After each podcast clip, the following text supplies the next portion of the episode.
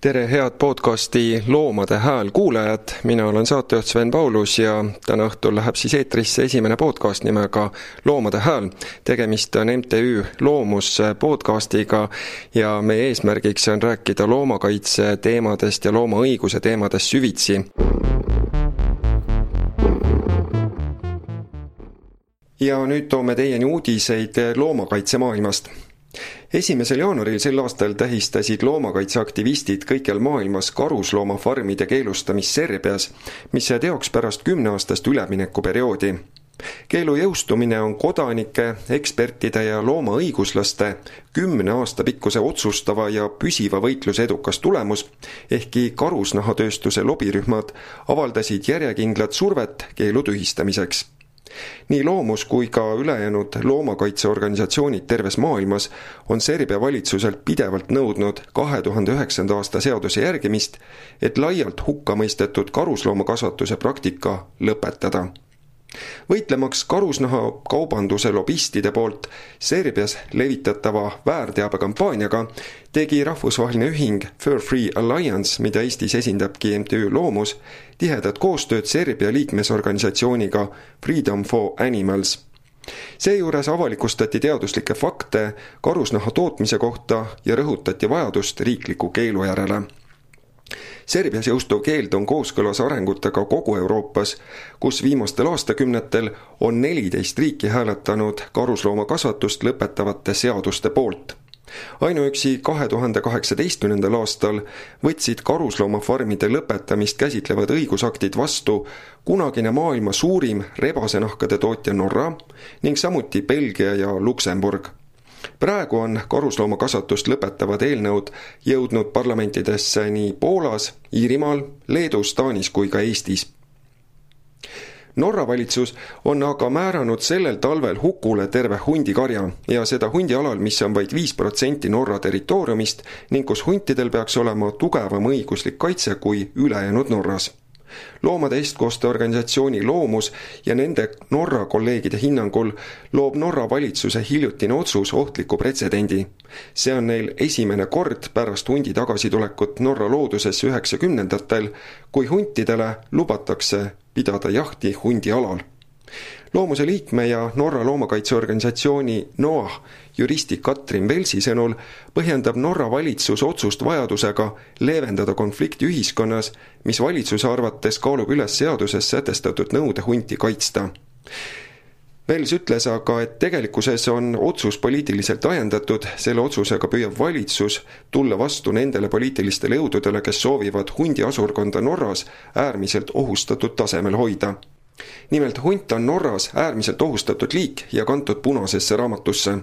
Norras leidub kuni seitsekümmend neli hunti, mis moodustab osa Skandinaavia hundiasurkonnast, mille suuruseks on hinnanguliselt nelisada kümme hunti.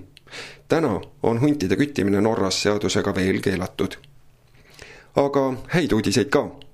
nimelt mitmete teiste kaubamärkide eeskujul liitusid nüüd ka kaks Eesti vanimat moebrändi, Marat ja Sangar, rahvusvahelise karusnahavaba programmiga, milles osalevad disainerid, moemajad, rõivaketid ja kauplused lubavad, et nad ei müü ega tooda ehtsast karusnahast tooteid. Eestist on programmiga liitunud juba üle kahekümne ettevõtte maailmas aga näiteks Versace, Gucci, Armani, Hugo Boss, Calvin Klein ja paljud teised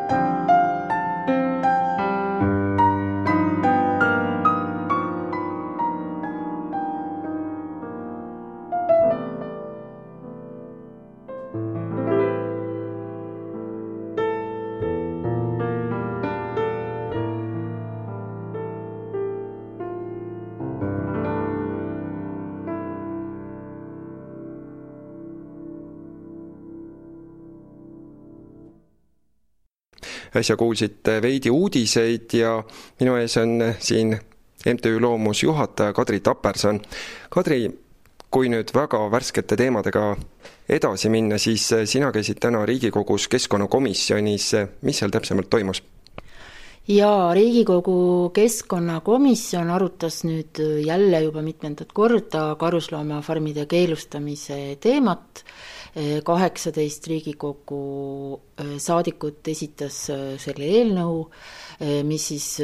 käsitleb niisugust kaasaegset nähtust nagu karusloomafarmide keelustamine. Ja teatavasti on siis selline komme, et asjasse puutuv komisjon arutab selle teema süvitsi läbi enne, kui see suurde saali jõuab ja täna see arutelu toimus, väga palju erinevaid osapooli äh, oli seal kohal, midagi väga uut äh, välja ei tulnud, argumendid olid ikka ühed ja samad, peamiselt on ju tegemist äh, maailmavaateliste erisustega, aga järgmisel nädalal siis näeme, see on suures saalis hääletusel ja eks siis paistab, kuidas sellel korral läheb. Ja praegusel hetkel on teist korda see keelustamise eelnõu Riigikogus, millised on lootused, ootused, kas üldse on neid? no tegelikult on väga hea, et ta seal mitu korda on. Ja, ja see tähendab seda, et seda teemat on võimalik ühiskondlikes aruteludes hoida väga heal tasemel, selles mõttes, et kui mingisugune asi on Riigikogus arutlusel, siis see tähendab seda, et selle asja vastu tunnevad äh, huvi ajakirjanikud, selle asja vastu tunnevad huvi inimesed, kellel süda sees. Äh, see on ähm, jututeema igal pool Riigikogus ja poe taga, kui nii võib öelda, aga tegelikult äh, mul nagu ka seekord väga sügavat usku ei ole, et seal see vajalik häälte arv ehk siis enamus hääli kokku saab aga võib-olla saab rohkem kui järgmine kord ja mõned, mõned argumendid on jälle siis äh, niimoodi letti löödud. täna oli väga huvitav selles keskkonnakomisjonis, äh, mis ma tähele panin, et äh, et ka mõned need komisjoni liikmed, poliitikud, kes ei ole enne nagu enne nagu võib-olla väga süvenenud ja, ja, ja võtnud niisuguse jäiga ettevõtja poole hoidva seisukoha, mis on ju poliitiku puhul iseenesest arusaadav, et kuidagimoodi vaat needsamad paar saadikut olid jõudnud ilmselt arusaamale, et see teema ei kao mitte kuskile. ja see oli minu arvates muutus, et nad hakkasid arutama nii selle komisjoni istungi ajal ja tõenäoliselt ka omakeskis seda, et mis need alternatiivid siis ikkagi oleks sest karusloomakasvanduste puhul me ju räägime Eestis praegu maksimaalselt neljakümnest töökohast, mis loomulikult on olulised, ka üks töökoht on oluline. aga seal äh, jäi nagu kõlama äh, minu meelest äh, väga tugevalt see seisukoht, et see teema ei kao ja me peaksime hakkama arutama, mida need inimesed äh, saaksid karusloomade kasvatamise ja tapmise asemel teha, kui palju neid on, mida nendes piirkondades oleks võimalik asemele mõelda ja minu meelest see oli nagu positiivne pööre, et et ka need, kes võib-olla selle keelustamise eetilistest pooltest, eetilistest argumentidest nii hästi aru ei saa, said aru, et, et see, see teema ja tegelikult ka väga paljud teised loomadega seotud teemad ei kao mitte kuskile, et neid tuleb nagu järjest juurde tegelikult on juba päris tükk aega üleval rippunud üks petitsioon change.org-i juures, kuhu on peaaegu viiskümmend tuhat allkirja juba tänaseks õhtuks saadud, mis nendega edasi saab, nendest allkirjadest? vaata, allkirjade kogumisega ongi nii, et seda saab teha nagu kahte moodi, saab teha või, või tõenäoliselt on neid, neid veel rohkem, see viiskümmend tuhat saigi minu teada nüüd nüüd täis või ja, ja, ja allkirju on ju kogutud enne ka et äh, siis, kui me kaks tuhat neliteist äh, esimest korda Riigikokku viisime vastava petitsiooni, siis oli kogutud äh, digitaalsete allkirjadega üle tuhande siis nime, kes keelustamist ootasid ja sinna pandi juurde veel ilma nende digitaalsete allkirjadega vist üle kümne tuhande allkirja, mida aasta edasi, seda kergem on allkirju koguda. see tähendab seda, et Äh, neid inimesi, kes äh, siis tahavad oma, oma meelsust näidata ühe või teise asja puhul, tuleb kogu aeg juurde ja, ja, ja loomi armastavaid keskkonnateemadest hoolivaid inimesi tuleb juurde nooremate põlvkondade näol eelkõige, aga mitte ainult. ja kui me näiteks täna oleksime olukorras, kus meil oleks vaja näiteks kolme päevaga veel tuhat juurde korjata, siis ei oleks üldse mitte võimatu aga nendest allkirjadest, mis nüüd siis selles äh, change.org äh, keskkonnas kogutud on, Neema, need on rohkem nagu selle teema kinnitamiseks, neil ei ole praegu juriidilist äh, jõudu. Ja tõenäoliselt on niimoodi ka allakirjutajad aru saanud, sest ega seal vastupidist ei väideta, need lihtsalt näitavad, toetavad seda protsessi, et, et neid inimesi on palju ja järjest rohkem. selleks, et et äh, rahvaalgatust, äh, rahvaalgatusseaduse järgi äh, siis soovitada Riigikogul ühte või teist teemat algatada, selleks tuleb koguda siis digitaalsete allkirjadega nimesid ja kui on vaja, siis me teeme seda uuesti muidugi. kui natukene sellele temaatikale veel ette vaatavalt nii-öelda peale vaadata, siis õige varsti on tulekul Riigikogu valimised, sa oled väga pikalt loomakaitses tegutsenud, kui sa praegust poliitilist maastikku vaatad, siis kuivõrd on üldse selline meelsus olemas, et loomakaitse ja loomaõiguse teemadega tegeleda poliitikute poolest, kuivõrd paljud erakonnad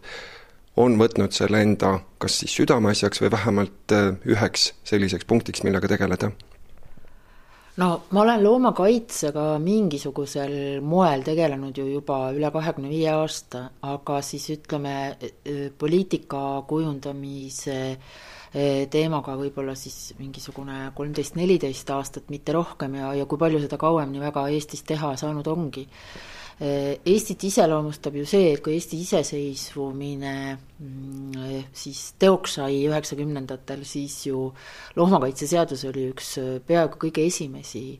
äh, mis vastu võeti ja, ja mina isiklikult ei teagi päris täpselt, kes on see inimene, kes on selle taga, seda oleks tegelikult päris huvitav teada saada, keegi võiks meile kirjutada ja öelda, kes selle nagu läbi surus. nii et loomakaitse on Eesti poliitikas äh, oluline teema olnud küll, aga ma ei saaks öelda, et süvitsi ja ma ei saaks öelda, et piisavalt. on olnud palju organisatsioone, kes on sellega tugevalt tegelenud, loomuse kõrval ma kõige olulisemaks nagu ajaloolises raamistuseks nimetaksin ikkagi Eesti Loomakaitse Seltsi, kes on ka vähemalt omal ajal väga tugevalt erinevaid ettepanekuid teinud ma tean, et Varjupaikade Mittetulundusühing on praegu, äh, teeb Veterinaar- ja Toiduametiga koostööd, et, äh, et veel teatud, äh, teatud muudatusi teha ja meie kutsusime siin mõned aastad tagasi kokku suurema ümarlaua, kus olid siis erinevad loomakaitseorganisatsioonid, neid on Eestis päris palju, kui me võtame noh, näiteks kasside aitamise organisatsioonid ka noh, kui me loeme nemad ka loomakaitseorganisatsioonideks, mida nad kahtlemata on siis selles samas kokku kutsutud ümarlauas äh, jäid ka nagu kõlama mitmesugused teemad, millega veel võiksid tegele-, võiksime tegeleda, aga see on lihtsalt niisugune asi, et me saame ju ka väga hästi aru, et et nii mõnegi teema jaoks on lihtsalt liiga vara. et meil ei ole mõtet nagu tõsta üles teemat, mis niikuinii on kõigile täiesti arusaamatu seal äh, tänases keskkonnakomisjonis ja paljudes niisugustes ühiskondlikes äh, aruteludes äh, ka poliitikutega mm, on ju aeg-ajalt see hirm, et nii, nüüd siin tahate keelustada karusloomafarmid, et see on küll täiesti arusaadav ja see on ajast ja arust, aga kes garanteerib, et te järgmisena ei taha keelustada mõnda muud loomatööstust? ja mis on ju tegelikult mõnes mõttes täiesti põhjendatud küsimus, sellepärast et äh, et loomuse igapäevane tegevus baseerub ju sellel veendumusel, et loomi ekspluateerida ei ole üldse mõtet. meil ei ole selleks tegelikult õigust, see põhjustab neile kannatusi ja nad tahaksid elada teistmoodi, need loomad. järelikult võib tõepoolest keegi, kes asjadesse väga ei süvene, mõelda, et, et huvitav, miks nad ei tule ja ei keelusta ära, noh, ma ei taha nüüd kellelegi hambu anda mõnda Mm, loomaliike, aga üht või teist loomatööstusse kuuluvat osa. aga ma arvan, et äh, me ei ole ju ka eile sündinud ja kindlasti ei ole me sinisilmsed ja, ja kindlasti me teame, kuidas maailm toimib, äh, oodates loomulikult kogu aeg seda, et need muut-, muutused toimiksid palju kiiremini ja ja, ja rohkem inimesi oleks loomade poolt ja nii edasi. et mis ma tahan nagu kinnitada või selle pika jutuga öelda seda, et me võtame nii tugevalt fookusesse teemasid, nagu karusloomakasvatus näiteks, sel juhul, kui ühiskond on selleks valmis mitte muul juhul. kui on võimalik äh, inimestele selgitada, et äh, loomatööstus on kurjast niikuinii, mm, kuidagi laiemalt, siis me seda ka teeme ja sellepärast me ka tutvustame väsimatult kõikvõimalikke ähm, keskkonnasõbralikke tarbimisviise, peame kaheksandat äh, või vist nüüd juba üheksandat korda taimetoidumessi. Meil on programm Taimsed valikud, mis äh, toitlustuskohtadele äh, teeb lihtsamaks äh, taimsete valikute pakkumised nende, nende menüüdes, teeme ettevõtetega koostööd, omame õigust anda erinevatele ettevõtetele fur-free retaileri ehk siis karusnahavaba ettevõtte märgistust ja nii edasi ja nii edasi. Ja äh, mis annab mulle nüüd võimaluse näiteks rääkida sellest, et sealsamas täna komisjonis ka äh, tulles tagasi täna toimunud keskkonnakomisjoni äh, istungi juurde, ironiseeriti, et noh, vaat siin nüüd tekstiilitootjad ütlevad, et nad on karusnahavabad, et võib-olla nende toot-, toodete hulgas ei olegi karusnahka, et mis siis nii viga öelda. aga ma arvan, et siin tuleks mõelda veel ühele niisugusele aspektile, isegi kui ei ole ja isegi kui ei ole kunagi olnud siis on see väga tervitatav, et on olemas ettevõtted, kes võtavad äh, poliitilisi seisukohti. kes ütlevad, et äh, meil on siin Londoni moenädal ja meil ei olegi plaanis äh, karusnahka näidata ja isegi kui meil oleks, siis me ikkagi ütleksime, et me oleme vaat need Fur-Free retailerid, karusnahavabad tootjad, ettevõtjad, sellepärast et äh, ühtpidi sellepärast, et neile läheb korda keskkond ja nagu ma ütlesin, me ei ole sinisilmsed, teiseks saavad nad väga hästi aru, et tegelikult tarbija, eriti noor tarbija, hoolib nendest asjadest nii väga, et see on neile lihtsalt kasulik niimoodi öelda ja mis, miks siis mitte. kui selles ühes eh, seisukohavõtus ka ma ei tea, pesutootja puhul Äh, on see, et ta tahab kaasaegselt mõelda ja samal ajal ta tahabki öelda äh, loodussõbraliku äh, loosungi välja, mis seal ikka. aga loomulikult kõikidest nendest asjadest võib ka teisiti aru saada, sest noh, kõiki asju on ju võimalik teistpidi pöörata kui me veidi üldse sellist laiemat konteksti avame selle loomakaitse temaatika puhul, siis milline on loomakaitse algus äh, maailmas olnud, äh, millal üldse tuldi sellise idee juurde, et äh, loomad vajavad kaitsmist? tead, ma arvan, et see idee on ju kogu aeg olnud. ma arvan, et, et aegade algusest, inimkonna algusest on olnud, olnud neid inimesi, kes kes on loomi vaadanud tundevõimeliste, kannatusvõimeliste äh, huvitavate olenditena. Ja noh, ilmselt sellest saaks rääkida terve loengusarja, et millisel ajajärgul, millise inimühiskonna millised liikmed suhtusid eh, kuidas loomadesse, ka siis, kui nad neid tarbisid. kindlasti ei ole see kunagi olnud nii ükskõikne ja nii palju kannatusi põhjustav, nagu ta on praegu sellepärast et see, mille, mispärast üleüldse on nii teravalt need loomade õiguste teemad tõstatunud, on ju, on ju tegelikult peale seda, kui peale teist maailmasõda inimesed koondusid rohkem linnadesse, rahvaarv hakkas uuesti kasvama ja tekkis niisugune asi nagu intensiivne tööstuslik loomapidamine. see tähendab hiigellaudad, Äh, kus äh, kordagi päikest nägemata veised kasvasid kas siis liha tootmiseks, kas siis liha tootmiseks või, äh, või piima tootmiseks või nii edasi. et see praegune rahvastiku kasv ja see praegune mm, suhtumine on see, mis need teemad on ju tegelikult väga teravaks teinud, aga teema on olnud nagu alati, ükskõik missugust ala ükskõik missugust ajalooperioodi vaadata, kas lugeda lugeda antiikaja filosoofe või, või vaadata mõnda keskaegset kirikumeest, ma ei tahaks praegu üldse ühtegi nime nimetada, sellepärast et need jääks kuidagi võib-olla liiga tugeva rõhuasetusega, aga, aga see teema, et loomad vajavad paremat kohtlemist, on olnud inimajaloo vältel kuskil õhus kogu aeg. Aga selline klassikaline loomakaitse, noh, võib siis öelda, eks ole, et üks liin on sealt peale teist maailmasõda, samal ajal kui me vaatame näiteks Inglismaale, siis äh, umbes samal ajal, kui äh, toimusid äh, siis aboli-, abolitsionistlikud liikumised, ehk siis orjapidamise lõpetamine, hakkas ka loomakaitse teema kõlama, sellepärast et kuidagimoodi saadi aru, et tegelikult on tegu ju vaata et sama asjaga, mis muidugi kõikidele orjapidamise vastastele see paralleel väga ei meeldinud, aga see on veel üks omaette jutt. Ja, ja, ja, ja nii ta on, aga öö, äh, enne kui ma jõuan nagu Eesti loomakaitse juurde, siis ma ei, arvan, et ei saa ka kuidagimoodi vähe tähtsustada kuuekümnendate nii-öelda niisugust sõjavastast, vägivallavastast vabastusliikumist, hipiliikumist, kui soovite, et äh, kust siis tegelikult tolleaegsed lapsevanemad äh, juba oma lapsi hakkasid äh, kasvatama teatud keskkonnasõbraliku nagu ideoloogia vaimus, kas või toitumise osas ja nii edasi.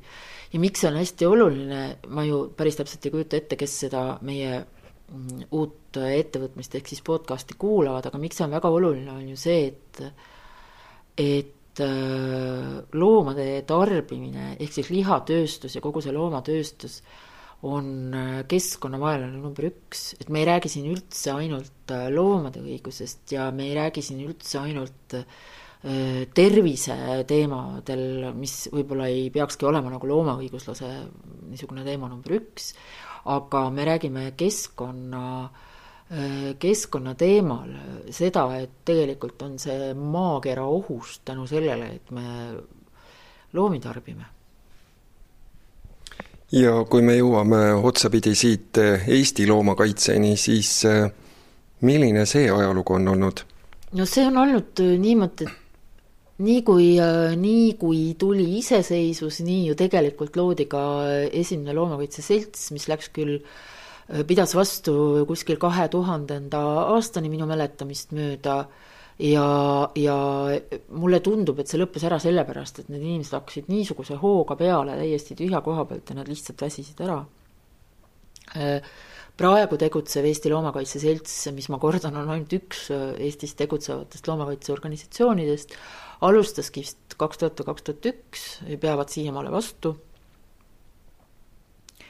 minu teada tegelevad need, äh,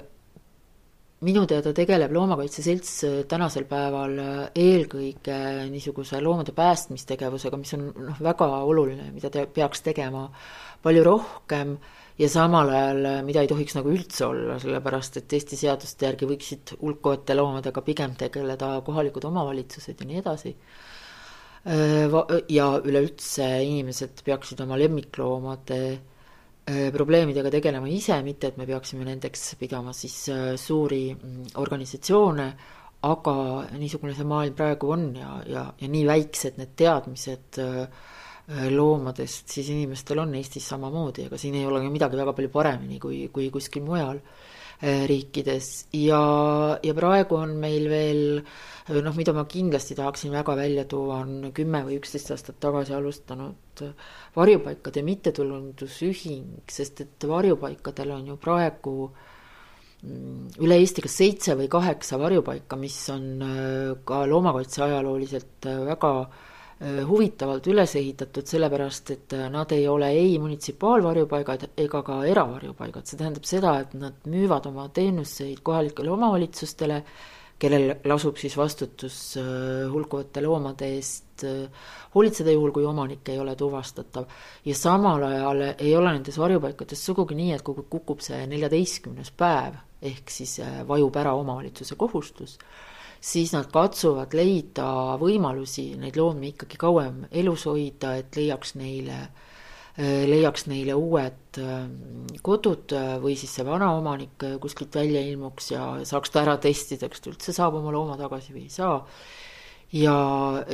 loomakaitse valdkond on kirju, see on hästi keeruline, praegu tuleb mul näiteks varjupaikade MTÜ puhul meelde, et äh, nad ju said hakkama suurepärase saavutusega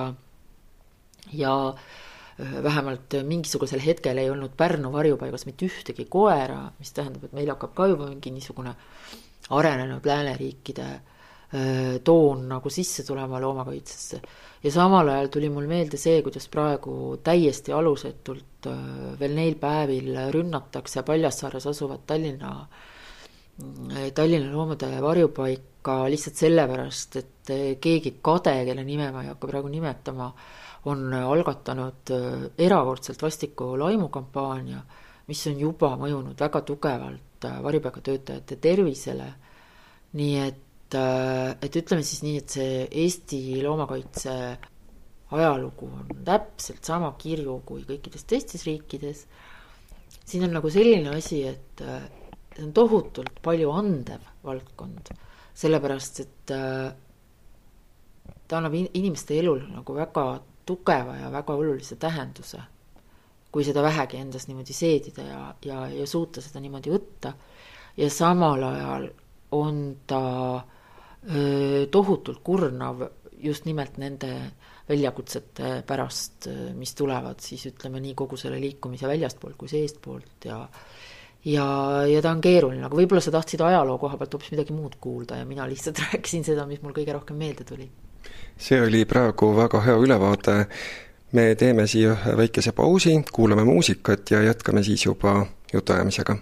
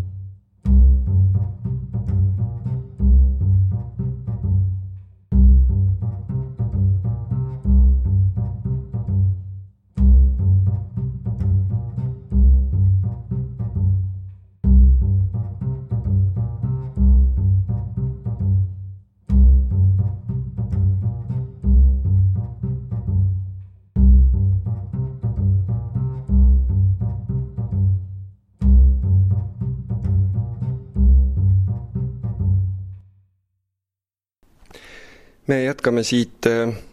Loomade häälega, mis on loomaõiguse ja loomakaitse saade ja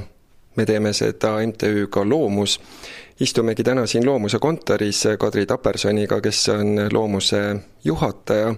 Ja Kadri, kui natukene nüüd sinna poole vaadata, et kuidas sinu äh, huvi loomakaitse vastu alguse üldse sai, võta see lühidalt kokku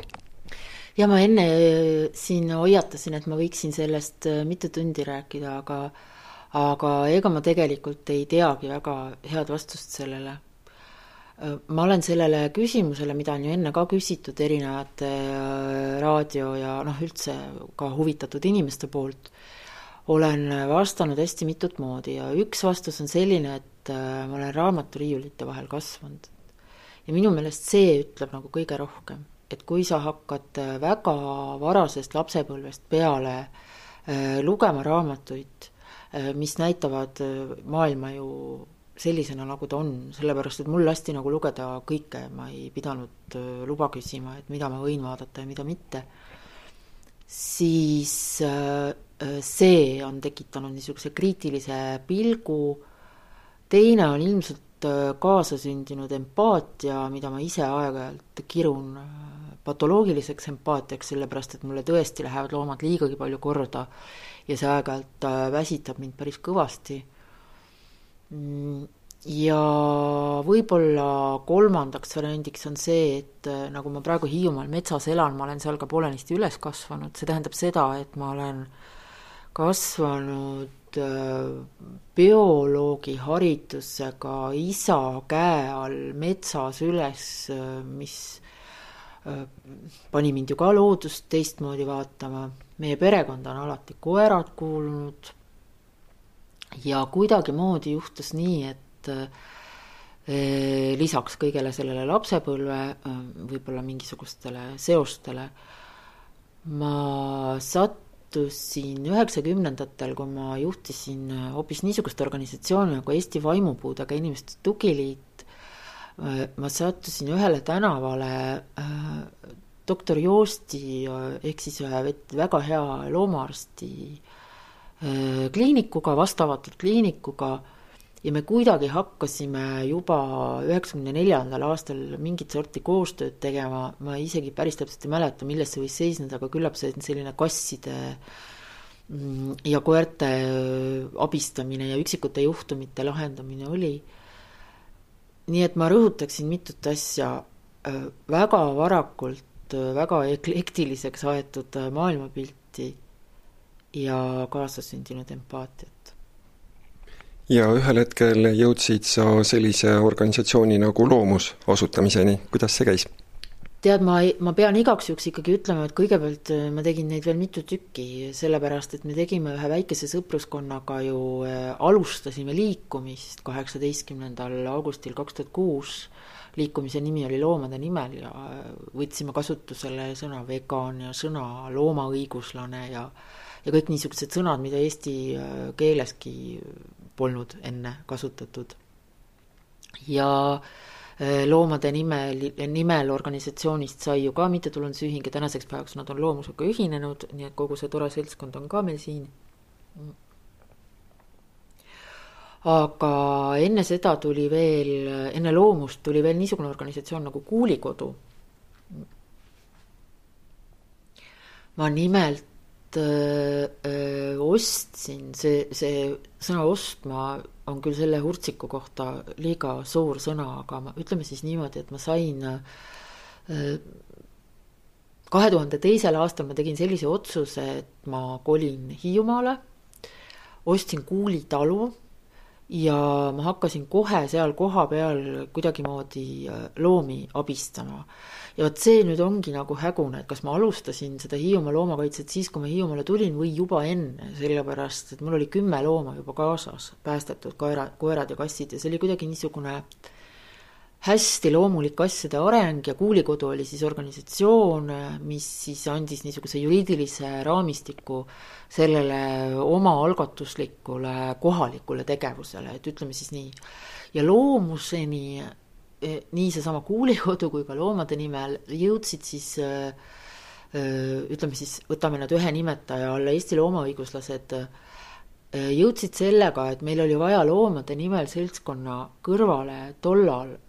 niisugust natuke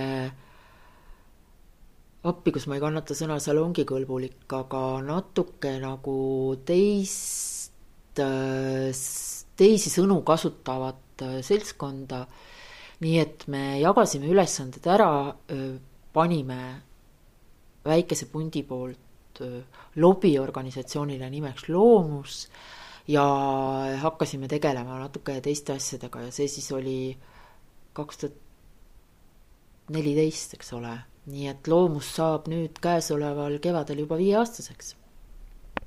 Kirjelda natukene loomuse tegevust ja liikmeskonda, millega on loomus üldse nende aastate jooksul tegelenud, mis on need sihid, eesmärgid olnud ja räägime siis pärast veidi liikmeskonnast ka. jaa, no loomus on üks niisugune asi, mille üle võib olla väga uhke sellepärast, et selle viie aasta jooksul see kasv, mis on toimunud, ükskõik kuhu sa vaatad ja kust võiks numbreid lugeda, et igal pool on mingisugune kasv. Üks on see, et me alustasime erinevate teemadega, aga neid teemasid on juurde tulnud. ja kõige esimene teema oli ju tegelikult hoopiski tsirkuses metsloomade kasutamise keelustamise teema, mis alguses oli küll äh, Äh, mõeldud natuke laiemalt, et äh, meie arvates nimelt ei peaks tsirkustest äh, või mingisugustes etendustes üldse mingeid loomi, noh, miks just metsloomad, eks ole, kasutama. Ja aga see jõudis kompromisslahenduseni, see tähendab seda, et loomuse, tänu loomusele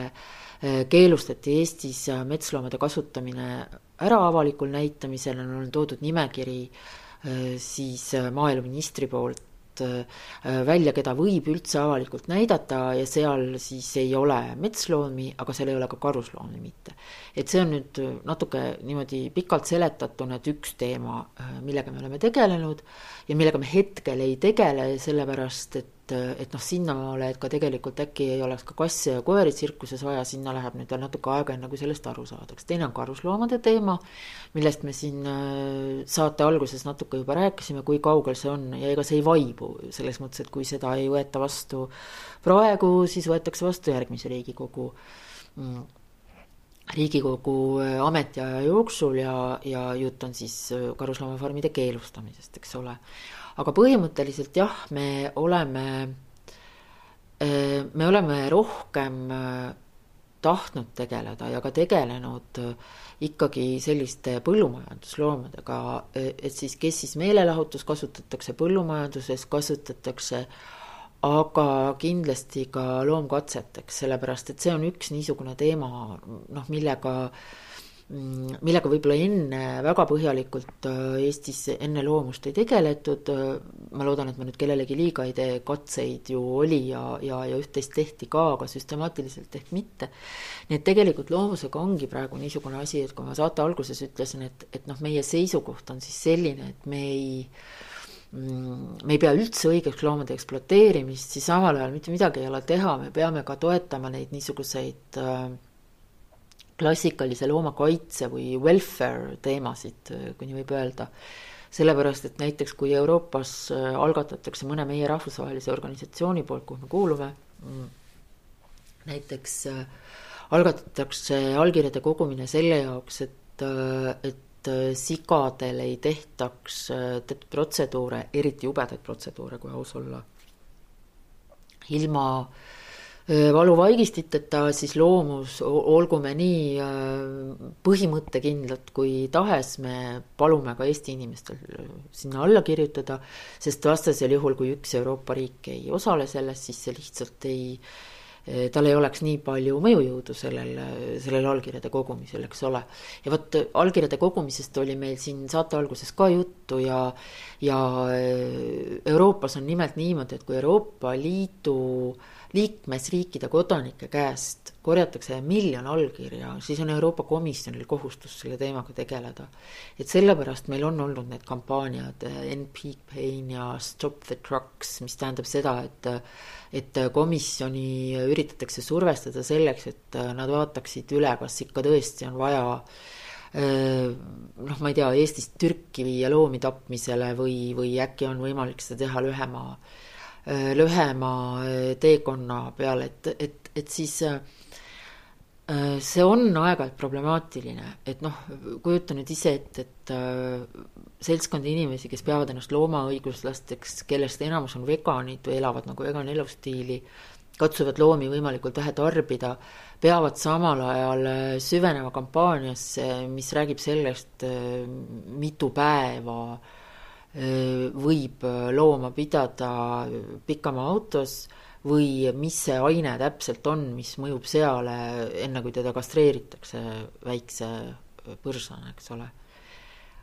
aga niikaua, kui ei ole organisatsiooni eraldi, kes sellega tegeleks ja niikaua, kui need on niisugused äh, niikaua, kui need on nagu niisugused ettevõtmised, kus on konkreetne kasu, noh, minul isiklikult oleks kasu sellest, kui äh, mind lõigatakse valuvaigistit kasutades, eks ju, mul on väga lihtne seda paralleeli luua, et kas äh, kas mul lõigatakse käsi otsast äh, nii, et tehakse alguses anesteesia või ilma selleta, siis mul ei ole nagu palju vaja mõelda, kuidas ma seda tahaksin, eks ju. ja, ja miks ma peaksin siis äh, jalgu trampides äh, jääma põhimõttekindlaks ja seisma sildiga, et loomi ei tohi üldse, üldse kasutada, kui mul on võimalik noh, kujutame ette, et meil on ikkagi ju praegu üleminekuperiood, eks ole. kui meil on võimalik teha mingeid niisuguseid muudatusi, mis vähemalt selle kirjeldamatu, lõppematu valuaistingu natuke väiksemaks võtaksid, eks ju. aga miks ma seda praegu nagu nii võib-olla isegi, et äh, liiga emotsionaalselt rääkisin, on see, et äh, ongi hästi keeruline me oleme võtnud niisuguse seisukoha,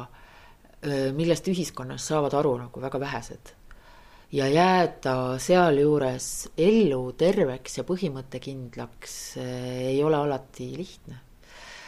ja kui sa küsisid meie liikmete kohta, siis meil on niimoodi, et loomuse päris tegevliikmeks saavad inimesed, kellel on kaks soovitajat loomuse liikmete hulgast Äh, ja toetajaliikmeks saab igaüks, kes kirjutab vastava avalduse ja kes teeb püsimaksekorralduse. nii lihtne ongi. kui on inimene, kes äh, äh, kannab loomuse arvele iga kuu vähemalt viis eurot ja avaldab soovi toetajaliikmeks saada, siis ta ongi toetajaliige. Aga siis tal ei ole otseselt hääleõigust, ta saab küll uudiskirja ja ta, tal on alati õigus teha ettepanekuid saada informatsiooni ja nii edasi, kokku saada. aga, aga ta ei saa näiteks hääletada konkreetselt kuni selle ajani, kuni ta saab pärisliikmeks. ja pärisliikmeid meil on viiskümmend kaks tükki. Mm. ja need on kõik hästi huvitavad inimesed. ma olen nagu nii õnnega koos ja nii uhke selle üle, et meil on niivõrd äh, oh, ma ei tea, see kõlab täitsa nagu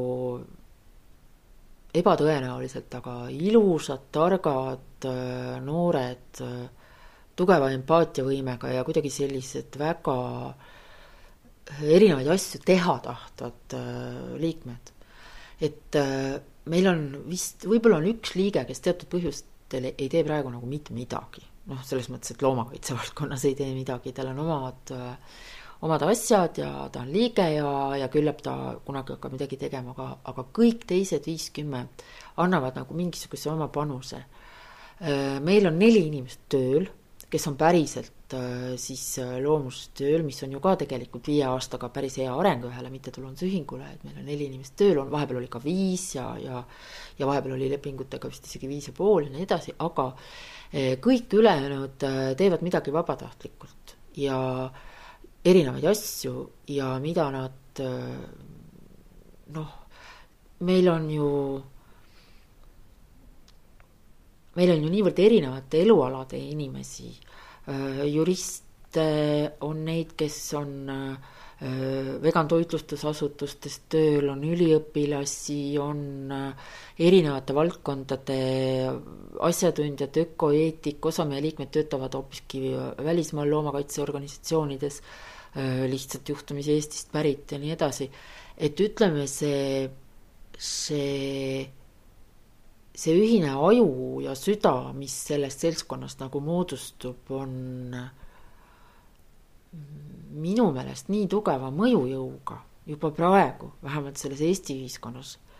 et äh, need liikmed ei saa sellest ise ka veel aru, kui tugeva mõjujõuga nad on. ja lisaks on loomusel veel hulk vabatahtlikke, kes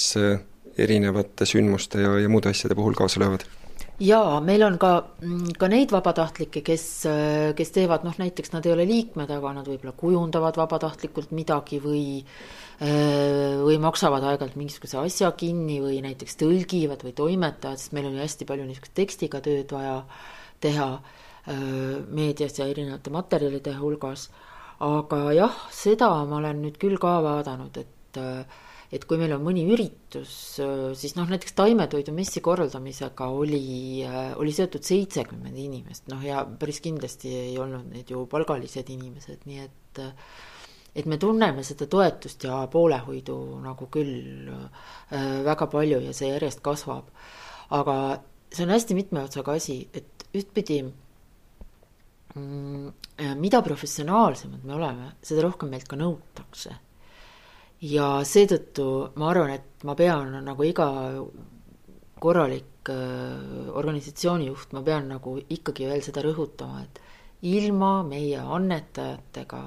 annetajateta meid ei oleks. Äh, vähemalt ei oleks me nii tõhusad kui praegu, et see, et meil on ikkagi sadakond inimest, kes toetavad meid iga kuu Äh, loomust ju iseloomustab minu meelest vägagi see, et, et me üritame olla sõltumatud. noh, nii sõltumatud, kui tänapäeva ühiskonnas üldse saab olla, eks ju. me ei taha katusse raha, me ei taha ministeeriumite toetust, me ei taha olla seotud ühegi erakonnaga, ühegi ettevõttega, ühegi teise suurema organisatsiooniga. Äh, me tahaksime oma otsused teha ise ja nii, et me ei äh, oleks millestki mõjutatud, eks ju. kui see just, noh, ma ei tea, halb ilm ei ole ja seetõttu me toetume tegelikult äh, nendele inimestele, kes teevad meile igakuised annetused. ja see on lihtsalt, äh, lihtsalt suurepärane, et neid tuleb nagu juurde. Neid peaks olema muidugi juures veel äh, kümme korda rohkem, sellepärast et nagu öeldud, mida rohkem me teeme, seda rohkem meilt oodatakse, sest öö, noorem põlvkond kasvab peale, kellel on keskkond ja loomad olulised ja vanem põlvkond on sellest järjest rohkem hakanud aru saama, näiteks ma vaatasin, et peale meie tänavakampaaniat äh, ütleme siis kuskilt sealt äh, detsembri keskpaigast kuni siiamaale on äh, meie annetajate hulgas üks juurde tulnud umbes viisteist inimest, kelle sünniaasta on neljakümnendatel, viiekümnendatel, kuuekümnendatel. Ja see on väga huvitav tendents see näitab seda, et, et loomad ja kogu see temaatika hakkab korda minema ka, ka minu põlvkonnale ja minust vanemale põlvkonnale, mida me ei oleks julgenud oodata. meie kõige äh, vanem annetaja ja seda ma olen küll rääkinud igasugustele raadiotele ja ma pean siis meie oma raadiole seda ka ütlema. meie kõige vanem annetaja on tädi Juta, kes on sündinud äh, tuhat üheksasada kakskümmend üheksa. nii et äh, ta saab. ta saab üheksakümmend sel aastal. mul on kuskil ta sünnipäev ka kirjas, peab kaardi saatma. kui natukene veel rääkida loomusest, siis võib-olla võtaksime kokku need kõige väljapaistvamad saavutused, millega loomus on hakkama saanud loomaõiguste eest seismisel? ma arvan, ikkagi, et praegu on äh, kõige suurem saavutus see äh, metsloomade tsirkuses äh, kasutamise keelustamine. see on kindlasti kõige suurem. karusloomakasvandused ei ole küll keelustatud, aga see, et see on olnud poliitilistes aruteludes nüüd viis aastat vähemalt järjest ja enne seda ju ka, see, kuigi teda ei ole keelustatud, on kindlasti ka saavutus. ja mina isiklikult pean kõige suuremaks saavutuseks seda, et äh, on olemas punt inimesi, kes päriselt ka professionaalsel tasemel hommikust õhtuni tegeleb äh, loomade eestkostega või loomade õiguste eest seismisega, kui soovite. et neid asju on võimalik teha järjekindlalt, asjatundlikult äh,, ilma tülli minemata, ilma endast välja minemata, vaid kogu aeg seda valdkonda arendades, nii et, et see vastupidamine ja seesama mõjujõu kasvatamine on minu meelest kõige suurem saavutus, kuigi seda on nagu väga raske tajuda, see on selline abstraktne nähtus, palju parem oleks öelda, et noh, ma ei tea, päästsime sada koera või miljon kana, aga ma ei arva, et arvudel on nii suur tähendus kui sellel ähm, sellel ühiskondliku mõtte kujundamisel, millega me järjekindlalt tegeleme. Kadri, kui me vaatame korra veel tagasi möödunud aasta peale, mis olid äh, kaks tuhat kaheksateist äh, tähtsündmused loomuse jaoks? kui nüüd neid konkreetseid äh, kampaania või ütleme niisuguse põhimõtteliselt nagu ühekordse tegevuse saavutusi loetleda, siis äh, võib-olla me ei ole väga palju tähele pannud äh, seda, et Euroopa Komisjoni läks seesama End Big Pain kampaania, milles loomusel oli väga suur roll, äh, siis ma arvan, et saavutused on ka need suurte moemajade karuslooma või vabandust, karusnaha vabadeks kuulutamised, ma ei mõtle praegu isegi Eesti erinevaid firmasid, vaid ma mõtlen ülemaailmseid kampaaniaid, loomaõiguslus või loomade eestkoste on ju tegelikult globaalne tegevusala, et ega me ei saaks tegutseda nagu ainult oma riigi piires ja nii nagu ka keskkond ei kahjustu või ei parane ühe riigi piires. aga Eesti asjadest ma tooksin võib-olla välja ka hoopiski selle, et, et kui te mäletate seda kui te mäletate seda tobedat ettevõtmist, et keegi tahtis Noarootsi äh, Äh, kanti teha ühe okeanaariumi või haiakvaariumi või midagi niisugust ja ja nad said isegi, äh, isegi EAS-i esimesest äh, vist pereatraktsioonide meetme voorust läbi ja me alustasime kampaaniat selle ettevõtmise vastu, sellepärast et see oli küll täiesti läbimõtlemata, ei ole mitte mingit mõtet Läänemerre haisi tuua. Ja, ja, ja noh, tegelikult oli ju ka majanduslikult see asi läbi mõtlemata, seda ütlesid kõik asjatundjad, nii zooloogid kui ka, kui ka need, kes majandust tunnevad. ja, ja see oli selline hea saavutus, noh, mille ma küll hea meelega loomusele võtaksin, sest et noh, kuigi ei EAS ega ka võib-olla laiem avalikkus ei, ei noh, meil ei ole paberit ette näidata, et selle taga olid loomaõiguslased, aga küllap see nii ikka oli ja seda e, ettevõtmist ei toetatud ja seda Eestisse ka ei tule. ja kui nüüd e, alanud aastale peale vaadata, millised on sellised suuremad, e, tähtsamad teemad, millega kindlasti Loomus edasi tegeleb? no me ju algatame kohe selle karusloomakasvanduste keelustamise teema uuesti. Tegelikult seal ei jäägi ju palju vahet, veel enne, kui, veel enne, kui mm, kui Riigikogu jõuab, Riigikogu praegune koosseis jõuab seda hääletama hakata, veel enne seda äh, avalikustatakse nende inimeste nimed, kes kandideerivad järgmisesse Riigikokku. ja meil on nende käest üht-teist küsida, üks on see, kas nad äh, siis äh, pooldavad karusloomafarmide keelustamist, teine küsimus puudutab ilmselt hoopiski linde ja me ühtlustame selle küsimuse lähipäevadel ornitoloogiaühinguga, ja kolmas küsimus puudutab niisugust tavalist kanoonilist loomakaitset ja üldsegi lemmikloomade kiibistamist, et selle me oleme kokku leppinud teiste loomakaitseorganisatsioonidega ja mingil määral arutanud ka Maaeluministeeriumis, aga väga vähe veel. ja vaat need on need kolm küsimust, mis teemaliselt siis esitatakse kõikidele kandidaatidele. ja, ja, ja see ongi poliitika kujundamine, et see ongi see kõi, meie kõige tähtsam tegevus, et, et viia siis need loomadega seotud teemad, mis on, mis on ühiskonnas juba nagu läbi arutatud, kujunenud me oleme need ära tajunud ja üles korjanud ja ka organisatsioonidega omavahel rääkinud, et need viiakse siis nagu otsustajateni. et minu meelest need on nagu, need on nagu hästi olulised ja teine pool on, on tarbija. Kui äh, aastal kaks tuhat kuus